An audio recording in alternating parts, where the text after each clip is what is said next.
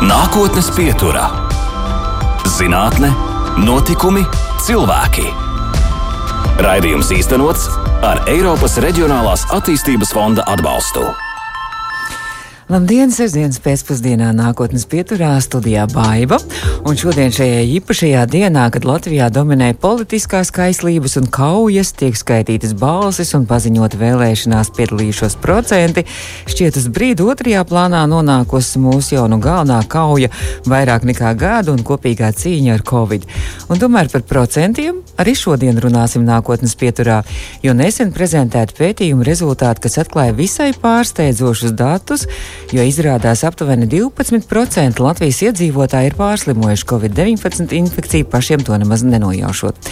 Un nākotnes pieturas viešņa pētījuma antivielu pret sārs Covid-2 vīrusu prevalence Latvijas iedzīvotāju vidū vadītāja Rīgas Tradiņu universitātes asociētā profesora, vadošā pētniece un Sabiedrības veselības institūta direktore Anda Ķīvīte Urtāne. Un eh, saku labdien mūsu attālinātajai viešņai šodien. Labdien!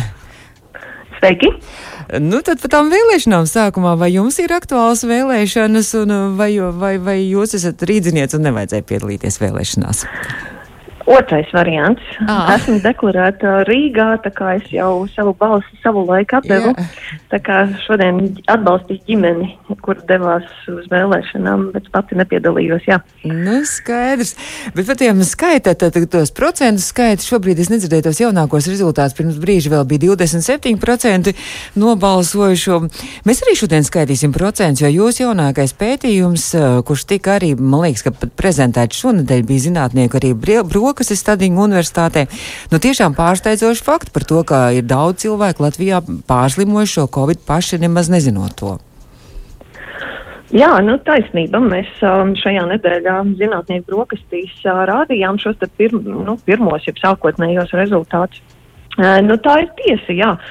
Nu, ja mēs uh, skatāmies sociālajos tīklos, tad uh, nu, diezgan daudz pavīta informācija no, no nu, vakcinācijas pretiniekiem, ka mums nevajag vakcinēties, ka mēs visi jau sen esam pārslimojuši, tur visi esam inficējušies veikalos vai citur, bet nu, mūsu pētījums rāda, ka tā nav taisnība. Jā. Ka antivielas, nu, tad, tad mēs pētījumā atlasījām cilvēkus, kuri nav vakcinēti mm -hmm. un uh, kuriem nav diagnosticēta uh, Covid-19 infekcija. Uh, nu, tad mēs atradām, jā, ka kopumā antivielas ir katram astotajam cilvēkam tikai.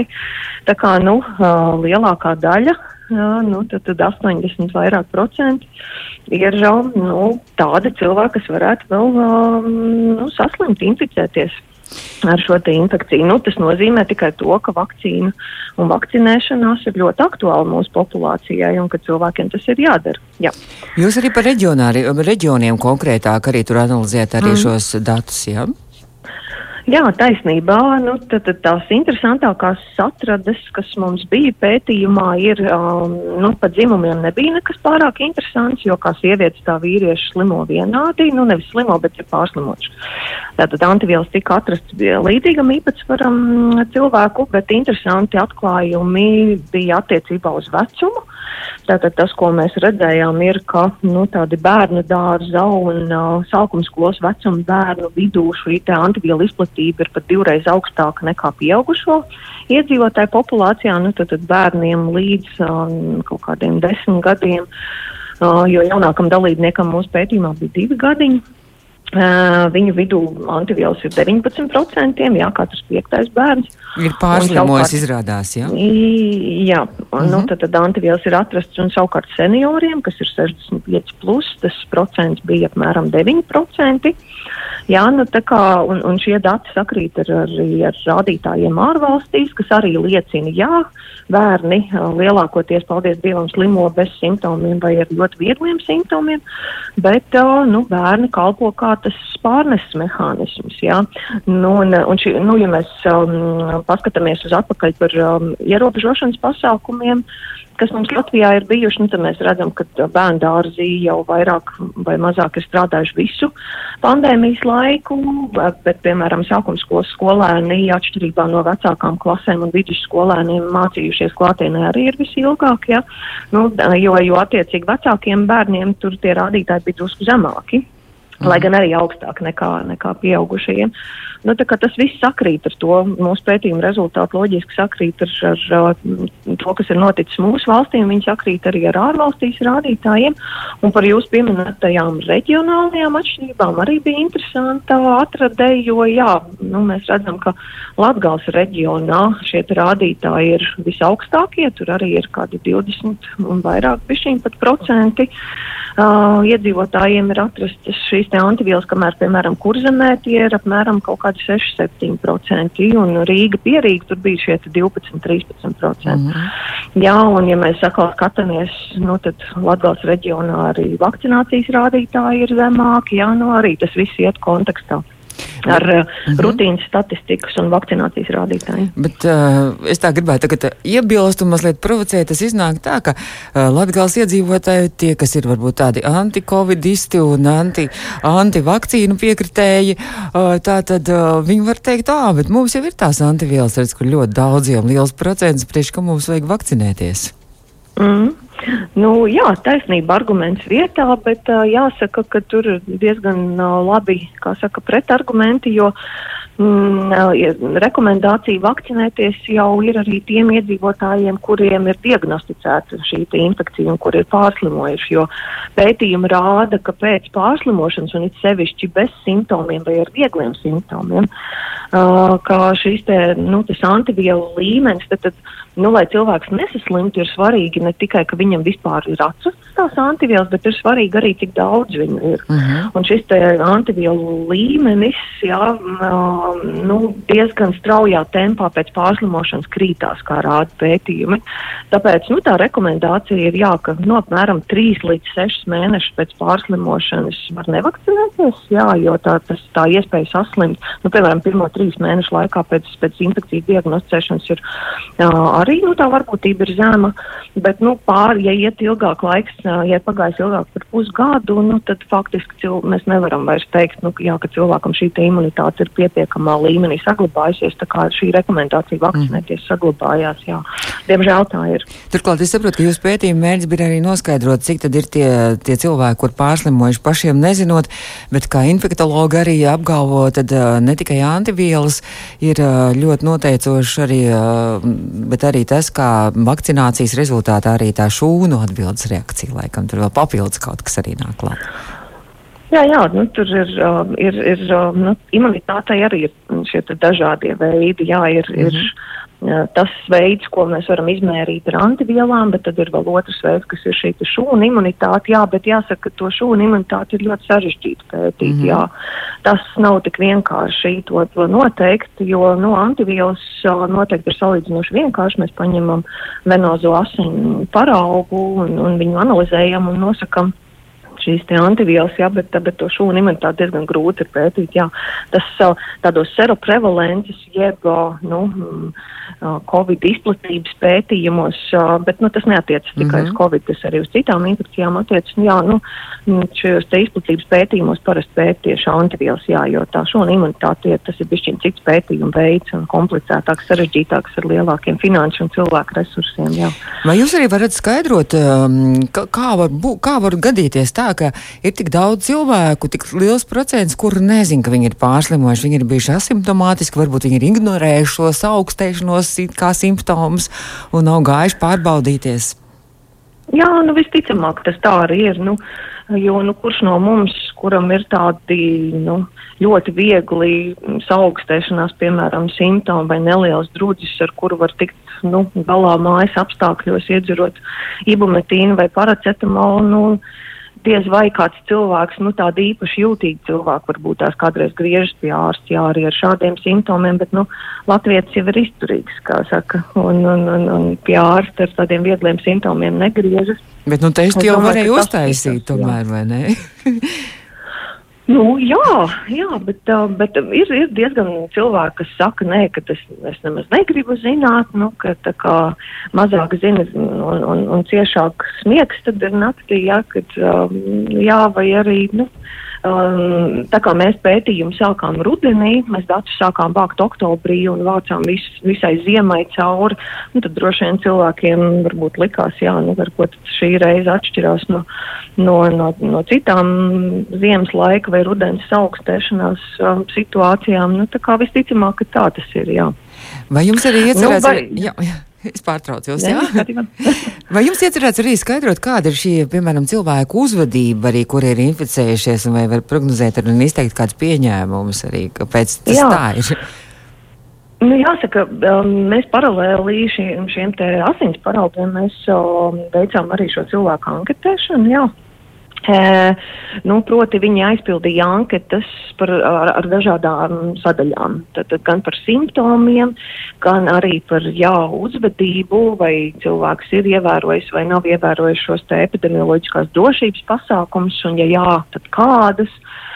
Tāpat mums bija jautājumi par attieksmi pret covid kā tādu, vai vispār tic šai pandēmijai, nu, restīvi, lai noskaidrotu, vai cilvēks tic vai netic sazvērstības teorijām.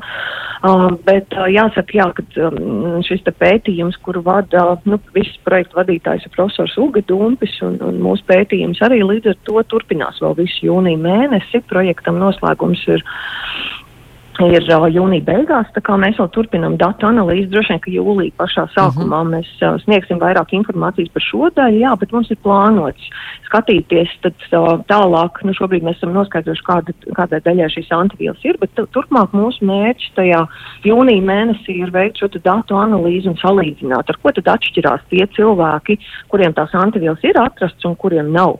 Gan pēc vecuma, gan mums bija jautājumi arī, nu, piemēram, kurā nozarē viņš strādā, vai šie tie cilvēki, kuriem ir bijuši antivielas, vai viņi strādā kaut kādā klienta apkalpošanā, vai nu, kur ir vairāk saskara ar cilvēkiem bijusi. Uh, jā, arī par mājasaimniecību nu, vai, vai dzīvo ciešāk kopā, tā kā, nu, piemēram, mm. mājoklī uz, uz cik ir uz vienu ģimenes locekli to kvadrātmetru, jā, kur nav ie, ie, iespējams nu, tāda liela distance, jā, nu, tā kā to mēs visi skatāmies, jā, un arī uzvedību. Tā kā mm. par šiem jautājumiem es vairāk jūlijas sākumā varēšu atbildēt. Mm. Mēs, laikam, šobrīd vēl nevarēsim vēl visu pabeigt par uh, jūsu Covid pētījumiem, jo jūs vairākos esat iesaistīsies.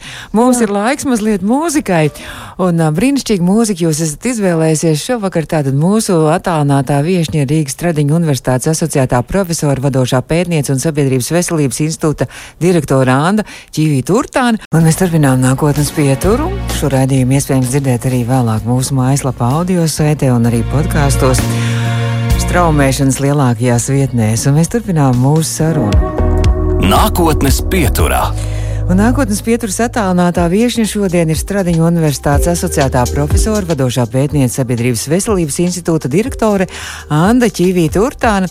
Un Anda, droši vien, ka mums tas Covid mazliet tagad jāpabīda, un mums, ja jau mēs sākām, tad droši vien jārunā arī par to jūsu arī galveno pirms tam pētījumu tēmu. Un es saprotu, ka jūs savu karjeru esat sākus veselības aprūpas jomā kā projektu koordinātoru biedrībā jaunatne pret aicu, un tad arī viss turpinājās HIV pētījumu, HIV stigmas indeksu.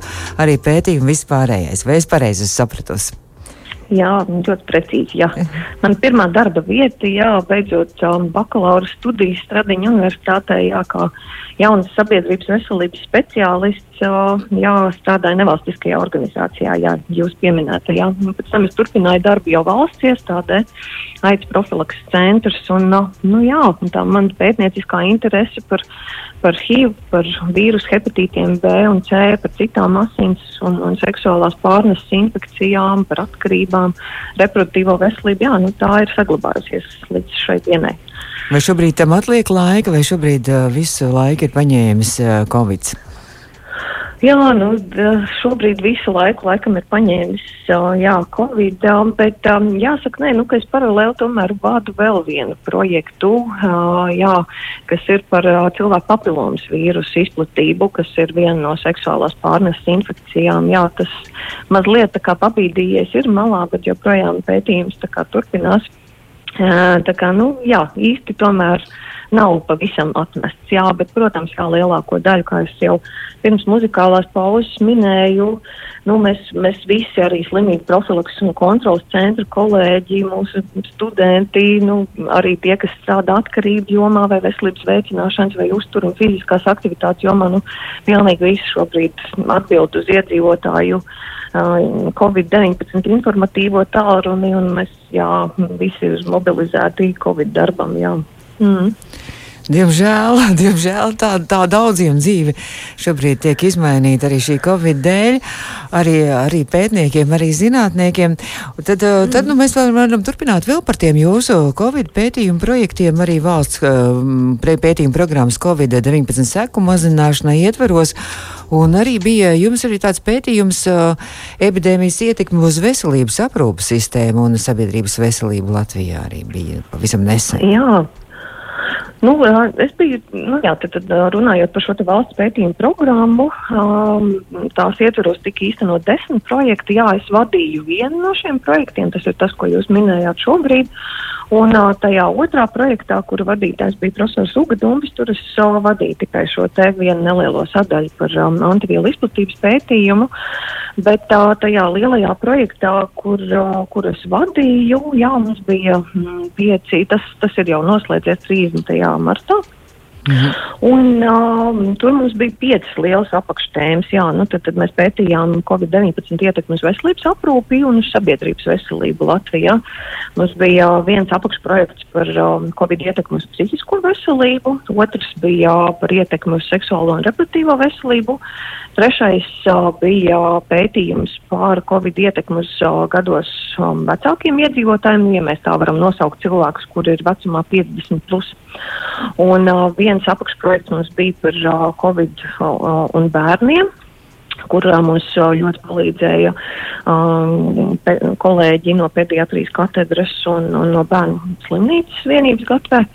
Un tad bija piektā, piektais pētījums bija jā, tieši par visu trīs līmeņu veselības aprūpi, kas tur notika, jā, cik viņa kļuva nepieejama vai pieejama uh, pandēmijas laikā. Tā kā jā, šādas te liels piecas tēmas mēs pētījām. Un, Uh, nu jā, ja ir jautājums par to, ko mēs tur atklājām uh -huh. un, un uh, kāda jēga nu, bija no šiem pētījumiem Latvijas iedzīvotājiem, nu, tad es varu minēt varbūt dažus piemērus. Nu, nu, piemēram, tajā apakšprojektā, kas bija par seksuālo un reproduktīvo veselību, mēs uh, gan intervējām uh, veselības aprūpes profesionāļus, doktorus un vecmātes, uh, gan arī jaunos vecākus un grūtniecis un uh, cilvēkus, kas dzīvo ar HIV, un um, jau dažādas mērķu grupas, un arī bija uh, Latvijas iedzīvotāju aptauja, tātad kvantitatīva, kur um, diezgan daudz iedzīvotāju piedalījās, bet tur mums, piemēram, uh, nu, izdevās noskaidrot šajās intervijās, ka, un, un tas, ko mēs redzējām, arī mēs analizējām tas, to, ko sauc par rutīnas statistikas datiem no, no Nacionālā veselības dienas datu bāzēm, ka mm, šajā pandēmijas um, pirmajā vilnī, jo nu, lielākoties datus mēs um, sākām vākt pagājušā gada vasarā, kad uh, projekts iesākās. Uh, tad mēs redzējām, ka piemēram dzemdību namā un lielajās uh, dzemdību palīdzības iestādēs uh, šajā laikā kritās dzemdību skaits, jo uh, uh, nu, sievietes izvēlējās dzemdēt citur. Nu, um, Baidījās mazākās no... ārstniecības iestādēm. Mm -hmm. Nē, tas nebija tik daudz saistīts ar bailēm, bet ar to, ka uh, šajās lielajās ārstniecības iestādēs nedrīkstēja atrasties trešās personas. Mm -hmm. Proti, nu, sievietes partneris nedrīkstēja piedalīties dzemdībās un nu, dēļ pandēmijas, jā, mm -hmm. uh, lai, lai nebūtu šie inficēšanās riski. Uh, Un, uh, nu, un, un tas sievietēm acīm redzami izrādījās tik ļoti svarīgi, ka viņas meklēja visas iespējas, ja, lai dzemdētu kaut kur citur, ka tikai varētu ar savu partneri būt kopā. Nu, kas, es domāju, ir nu, nu, nu tā, emocionāli saprotami, un mums bija iesaistīta projektā arī Solvi Tolsenā kopā ar saviem Latvijas universitātes kolēģiem. Nu, no cilvēktiesību aspekta mēs šo jautājumu arī skatījāmies. Un, Un, uh, nu, tas, ko, tas, ko secina arī cilvēktiesība eksperti, nu, ka nē, nu, ka sievietē tik emocionālā un tik jūtīgā brīdī ir tiesības būt kopā ar savu partneri. Un, un tas, kas ir šobrīd iestrādāts vadlīnijās, tātad uz nākotnes iespējamām pandēmijām, ka, nu, lai kādas pandēmijas nāktu, mēs, nu, mēs rekomendējam un faktiski pieprasām, ka uh, partneris ne, nu, šajā gadījumā ne, netiek uzskatīts par trešo personu, ja par lieko personu, jo, nu, gal beigās bērniņa tētis jau arī, nu, tas bērniņš arī viņam dzimst. Un, un tas ir iestrādāts šobrīd, jā, valsts vadlīnijās, tā kā nākotnē sievietēm nebū, nebūtu jābaidās, ka nākot kādām pandēmijām vai citām krīzes situācijām, ka viņām būs jādzemdē vienām pašām. Nu, tas ir mm -hmm. tas viens tāds piemērs piemērus, ko mums izdevies atklāt un kā tas ir īstenojies nu, dzīvē vai nu, īstenojies valsts politikā faktiski. Un, savukārt, droši vien par mm. gados vecāko iedzīvotāju veselību, droši vien arī tas arī saistīts ar, ar veselības iestādēm, ka tad gan, acīm redzot, grūtāk bija tikt pie ārstiem, bija lielākas rindas un arī pat nebija iespēja tikt, un varbūt arī cilvēki baidījās un atlika arī šo vizīti pie ārsta. Jā, no nu, attiecībā uz senioriem, redz, tur tā īpatnība bija tāda, ka nu, kopumā, ja mēs skatāmies nu, no šīs darba pakotnes, kas, jeb apakšprojekta, kas pētīja tieši Covid ietekmu uz visu trīs līmeņu veselības aprūpu, mēs nevarētu teikt, ka 2000, nu, respektīvi pagājušajā gadā, būtu īpaši samazinājušās nu, vizītes pie ārsta. Īsti mm. nē. Mm. Jo, uh, jo uh, nu, tas būtu jāsk jāturpina skatīties, kā tas šogad ir, bet, nu, uh, jo tāpēc, ka uh, veselības aprūpas iestādes un dakteri diezgan veiksmīgi pārgājusi tā saucamajiem telemedicīnas pakalpojumiem. Uh, nu, ja, ja mēs runājam par ambulatoriem, uh, ambulatoriem apmeklējumiem un ambulatoriem konsultācijām, Tad daļēji tur akūtās varēja notikt klātienē, bet šīs, te, kas nu, nebija akūtas mm -hmm. vai kuras bija iespējams attālināti, doktors sniedza vai nu telefonu konsultāciju, vai caur ēpastu, vai, vai video konsultāciju. Ja. Un tas, kas at, mums atklājās šajā pētījumā par senioriem, tad uh, senioriem šie te telemedicīnas pakalpojumi, protams, ir pieejami mazāk, diemžēl. Jo pirmkārt, uh, nu, gados vecākiem cilvēkiem nav šo ierīču. Da kurām, datori, ja? Ja? jā, datori vai kādas planšetes, interneta pieslēgums, jā, vai arī, ja tas ir, tad trūkst prasmi to lietot. Ja?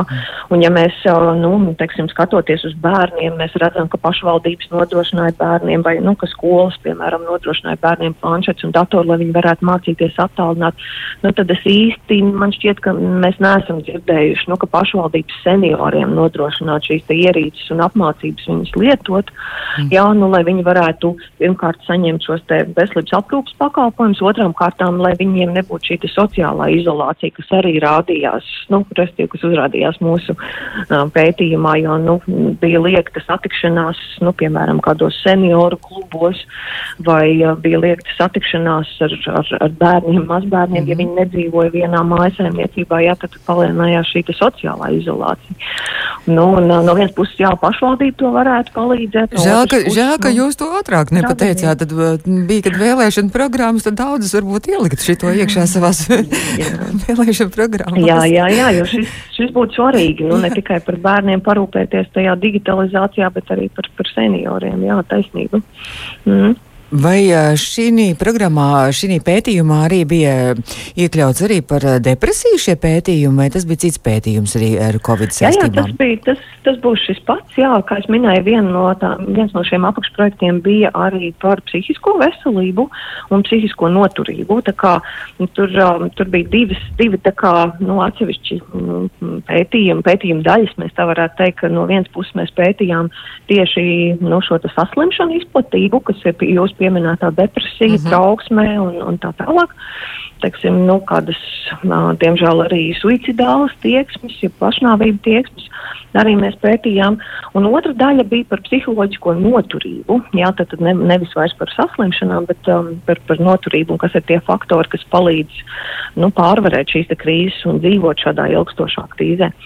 Un uh, šajā attiecībā uz to depresiju, jā, mums diemžēl izdevās pierādīt, ka pat tajā pandēmijas sākumā, nu, ko mēs varētu teikt, kas ir bijis šis pirmais vilnis, kura laikā mēs vācām šos datus, ja mēs salīdzinām ar nu, tādu jaunāko, pē, ja pēdējo mm, nacionālo reprezentatīvo pētījumu, uh, kur mēs, mēs šajā Covid pandēmijas pirma, pirmajā vilnī, jā, tas iepriekšējais pētījums man šķiet bija 2011. gadā, ja es nemaldos, tad pirms desmit gadiem senāk, jā. Gada, jā, nu jā, diezgan sen atpakaļ, tad, tad šie te mm, Covid laikā veiktie, veiktais pētījums rāda, ka depresijas simptomi, nu, kas nav vēl depresijas diagnoze, protams, bet šie simptomi gadījumi ir divreiz lielākam iedzīvotāju skaitam nekā, piemēram, tas bija šajā 2011. gadā, jeb miera laikos, kā mēs to varētu teikt. Ja.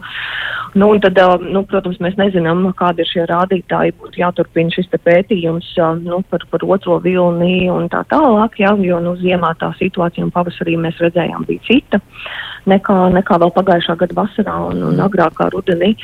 Bet, bet nu, jā, divreiz lielā, lielāka ir šī te, nu, depresīvo simptomu izplatība mm, Covid laikā, nu, kas, protams, nav pārsteidzoši. Tā kā mm -hmm. mums būtu jā, jārūpējās ne tikai par to, lai cilvēki neinficējās, lai ievēro distancēšanos, vakcinējās un tā, bet ļoti jārūpējās arī par iedzīvotāju šo psihisko veselību.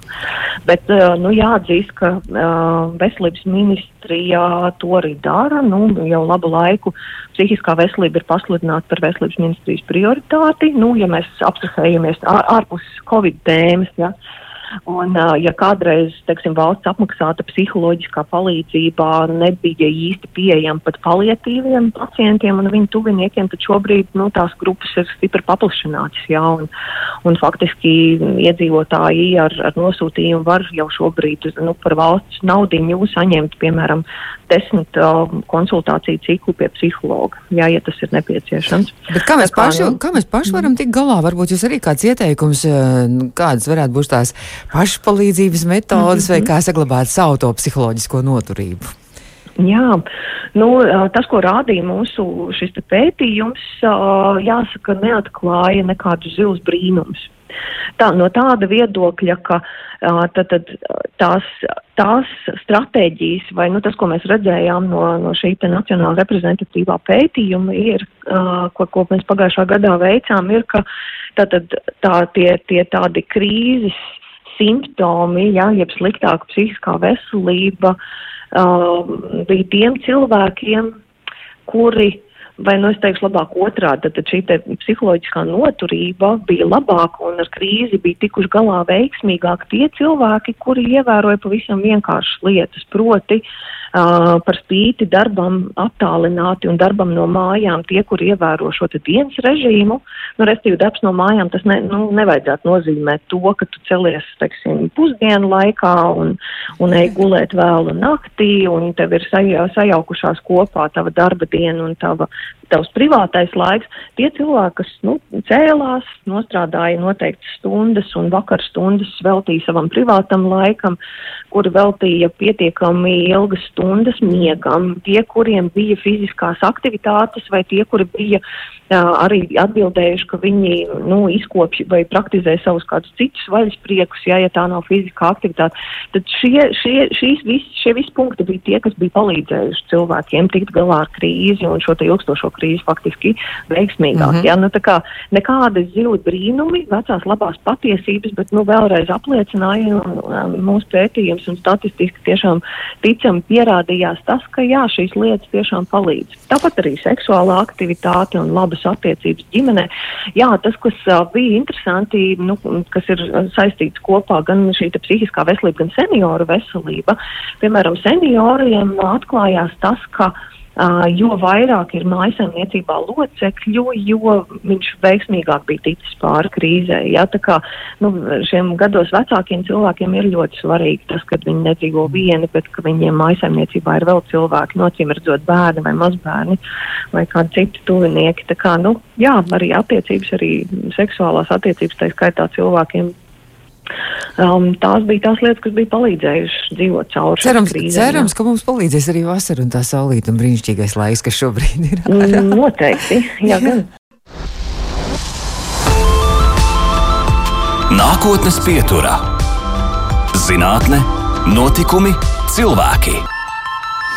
Turpinām nākotnes pieturu, un mūsu nākotnes pieturas viesne šodien ir zinātniece un pētniece, Stradiņu universitātes asociētā profesore un arī Sabiedrības veselības institūta direktore Anda Čīvīta Urtāna. Un Anda, tad grib vaicāt, nu man tāda sajūta, ka šobrīd uh, mums tā veselība un veselīgs dzīvesveids, tas ir zināmā mērā arī kā kults. Vai, tā, vai jūs piekristu tam kā speciālisti? Uh, nu man šķiet, jā, es varētu tam piekrist. Jā. Uh, interesanti ir tas, ka nu, tad, tad es arī esmu pēc izglītības sabiedrības veselības speciālists. Nu, teiksim, pirms pandēmijas man diezgan brieži jautāja, nu, kas ir sabiedrības veselības speciālists, ko viņi īsti dara, kas vispār ir sabiedrības veselība. Tad īstenībā nu, kopš uh, Covid-19, nu, tad, tad Covidam ir ļoti daudz, diemžēl, sliktu seku, bet ir arī tādas labas sekas. Nu, viens ir tas, ka tas ir kalpojis kā katalizators. Nu, ko es mm, dažādām labām pārmaiņām veselības aprūpas sistēmā, ko es jau pirms muzikālās pauzes stāstīju. Mm -hmm. Mums mhm. ir parauts vaļā lodziņš, kas, ko, ar ko mēs ilgi cīnījāmies par šo telemedicīnu un tam līdzīgi. Tad, tad, tad, tad vēl viena labā lieta ir, ka, jā, ka īsti man vairs neprasa, kas ir sabiedrības veselības speciālists, kas ir slimību profilaks un kontrolas centrs, piemēram, kur strādā liela daļa, nu, kur darbinieki ir tieši mūsu absolventi, arī sabiedrības veselības. Nu, tā kā, jā, mēs esam kļuvuši redzami un zināmi un, jā, jā Tas ir tāds, tāds pozitīvais. Un, protams, nu, tas nes sev līdzi, pandēmija nes sev līdzi to, ka nu, tā, tā sava veselība un veselības jautājumi cilvēkam ir kļuvuši ļoti, ļoti prioritāri. Jā. Tas arī ir taisnība. Jā, ļoti mm -hmm. uzmanīgi sako līdzi sev un saviem simptomiem. Un, un jā, arī mūsu pētījums, par ko es sāku stāstīt jau pirms um, mūzikas.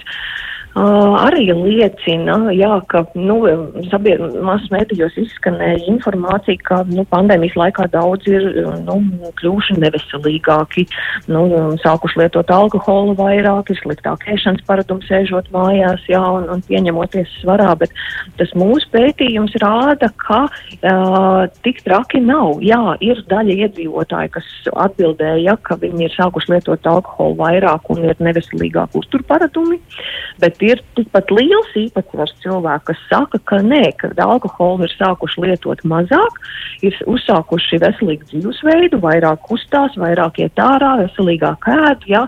Nu, tā kā mm -hmm. mēs mhm. nevarētu teikt, ka nu, tikai uz slikto pusi, jā, dažs tas ir diemžēl mm, pavirzījis uz to slikto paradumu pusi, bet ļoti daudz ir uzsākuši ja, šos veselīgos paradumus. Nu, man novērojumi liecina tagad, kad labais laiks ir sācies un kad ir iespēja arī cilvēkiem pa 20 cilvēkiem arī dažādas sporta nodarbības rīkot mm. ārā.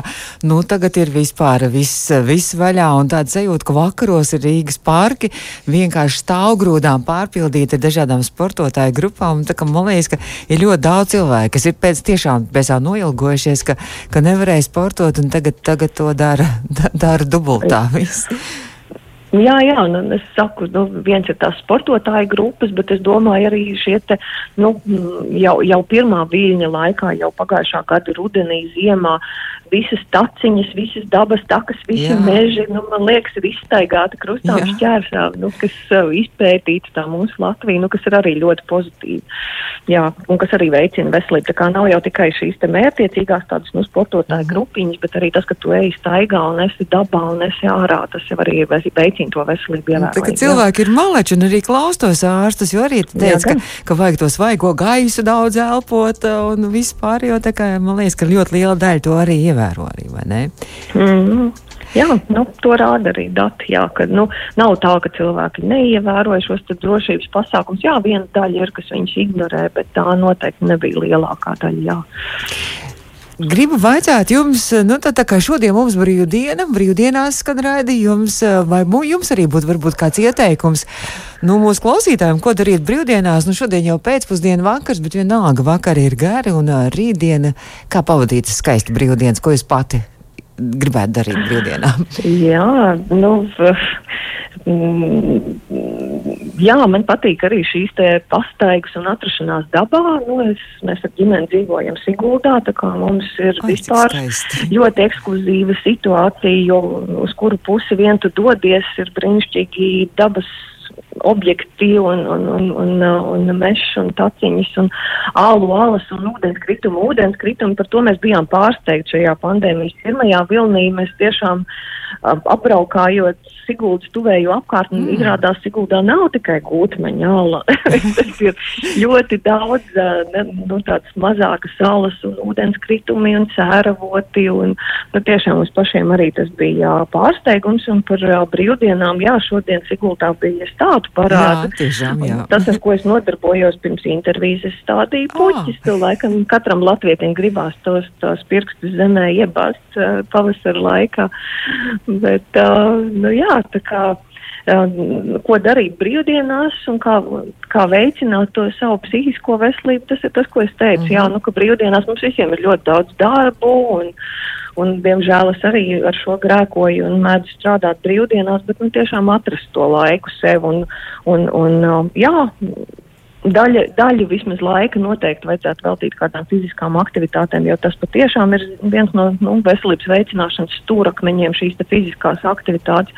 Bet otrs, jā, nu, nu, praktizēt šos savus vaļasprieks, vai tie mhm. būtu puķu apkopšana, vai tas būtu kino skatīšanās, vai, vai jā, kāda nu, grāmatas lasīšana, smuki ārā saulītē. Tā kā nu, atrast laiku sev un saviem tuviniekiem un neveltīt tikai laiku darbam, jo nu, tie darbi izdarāmi nav nekad. Viņi ir ļoti daudz un, un, un mūžīgi būs droši vien. Jā. Nu, tas ir tāds mans ieteikums. Paldies! Es saku paldies, ka jūs savukārt, es jūs atraucu stundu no jūsu brīvdienām un ka jūs veltījāt laiku mums un mūsu Latvijas Rādio 2 klausītājiem. Un mūsu studijas attālinātā viešņa šodien bija vadošā pētniece Rīgas Stradiņa Universitātē asociētā profesora Sabiedrības veselības institūta direktora Anda Čībīta Urtāne. Izskan nākotnes pieturā. Raidījums īstenots ar Eiropas Reģionālās attīstības fonda atbalstu.